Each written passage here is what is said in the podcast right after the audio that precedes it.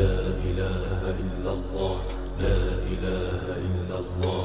الملك القدوس السلام المؤمن المهيمن العزيز الجبار المتكبر الخالق البارئ المصور والوهاب أسرار ومعاني وبركات أسماء الله الحسنى بسم الله والحمد لله وصلى الله وسلم على رسول الله وعلى آله وصحبه الطيبين الطاهرين ومن والاه اللهم لا سهل إلا ما جعلته سهلا وأنت تجعل الحزن إذا شئت سهلا اللهم ارزقنا الإخلاص في القول والعمل والنية يا أرحم الراحمين الخبير من اسماء الله تبارك وتعالى الخبير وهذا الاسم المبارك المعظم من وفق للذكر به بنية مقبولة حسنة طيبة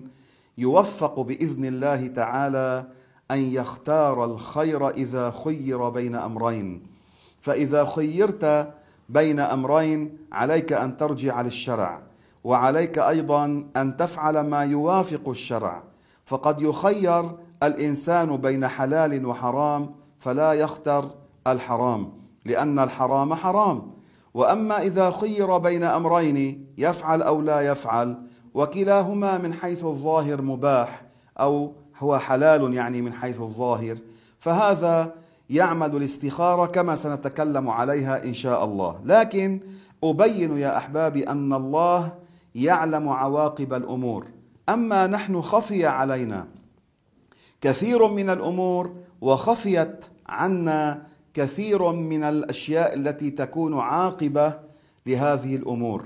فنحن العواقب ما كلفنا بمعرفتها. فلنتوكل على الله ولنأخذ بالأسباب الظاهرة وهي منها إذا أخذ الإنسان بهذه الأسباب لا يكون ترك التوكل على الله عز وجل.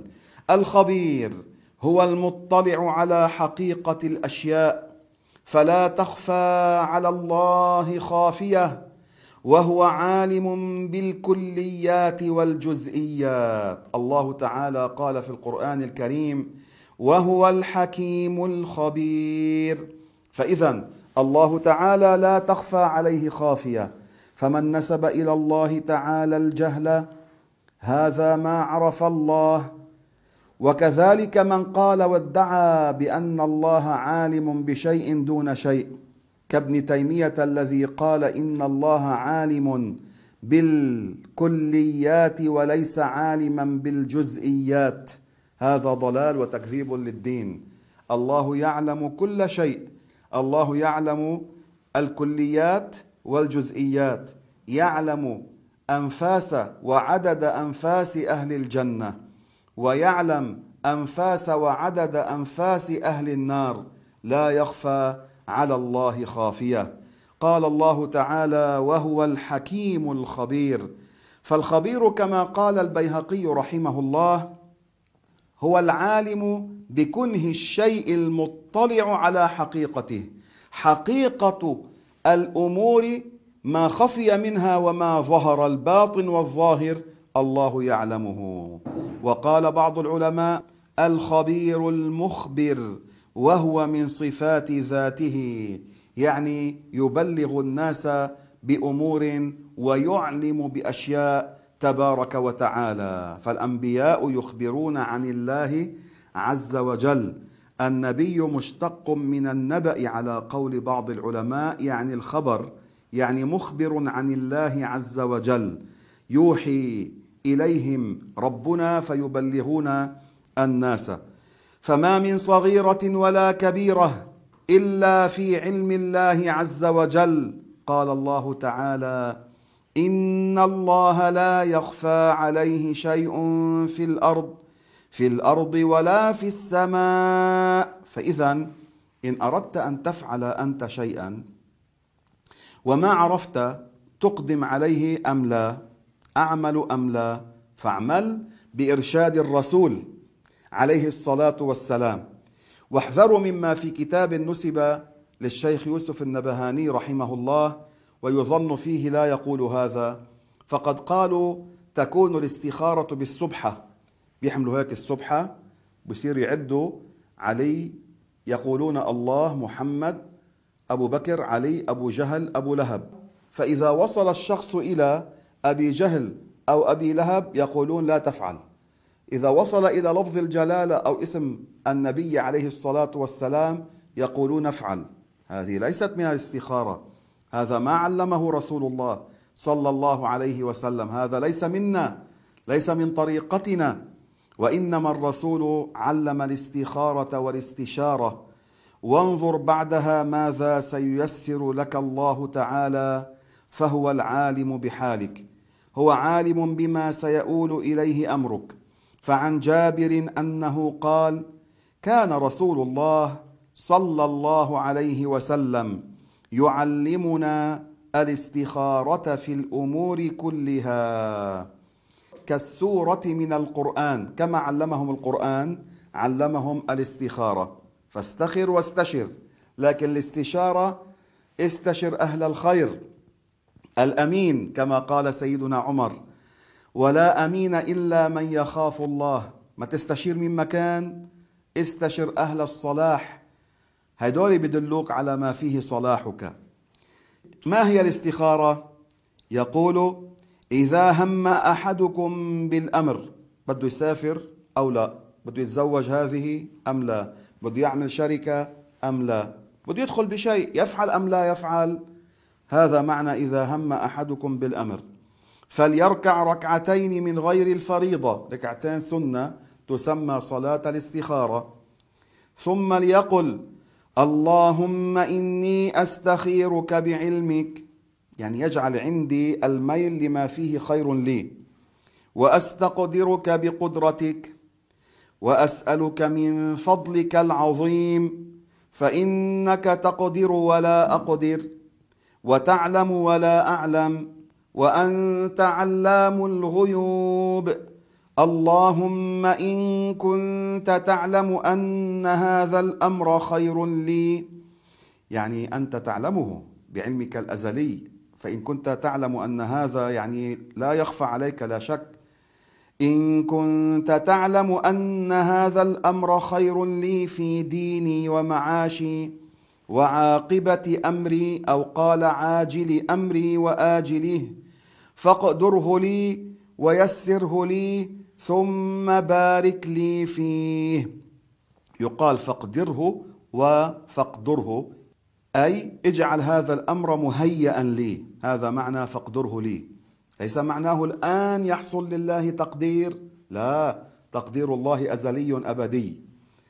فاقدره لي ويسره لي ثم بارك لي فيه.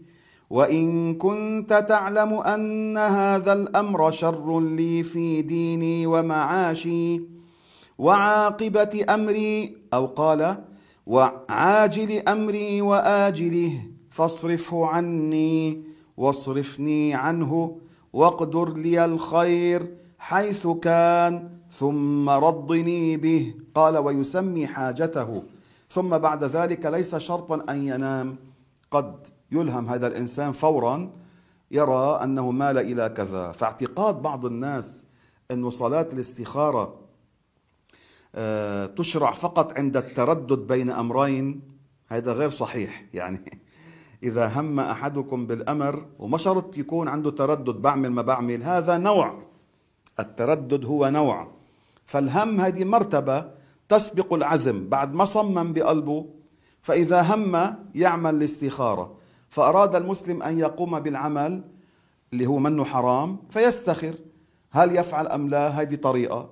أو يستغر ثم يقدم. يعني يستخر ليدخل فيه. وثانيا اعتقاد بعض الناس أن الاستخارة لا تشرع إلا بأمور معينة مثل الزواج والسفر هذا غلط.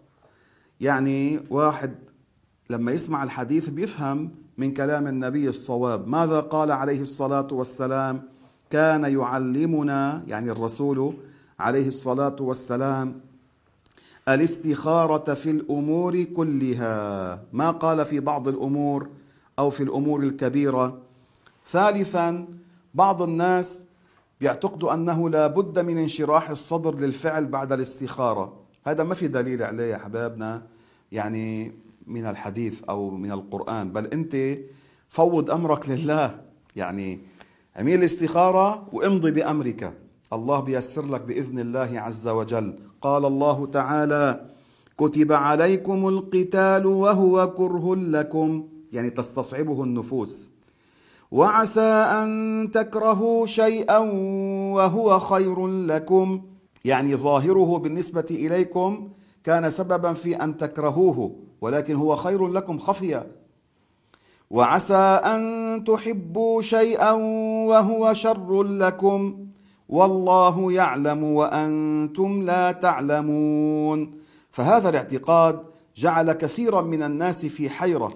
يعني بيعملوا الاستخارة وبيصيروا بحيرة وبيترددوا. أه وهلا بجوز الواحد إنه يكرر الاستخارة عدة مرات منه غلط يعني لكن الاستخارة شرعت يا أحباب لإزالة مثل هذا التردد. يعني لإزالة الاضطراب والحيرة. فأنت اعمل الاستخاره وامضي. هكذا. وليس شرطا أن تراها في المنام. يعني لا بد بعض الناس يقولوا لا بد أن ترى رؤيا. لا منه شرط. قد لا يرى وقد يرى. فاذا الله الخبير بعباده الله يعلم ما يكون منا الله يعلم دقائق الأمور والكليات. لا يخفى على الله خافية. اللهم يا لطيف يا خبير يا عالما بحالنا آت كل واحد منا سؤله من الخير يا رحمن يا أرحم الراحمين. لا إله إلا الله. لا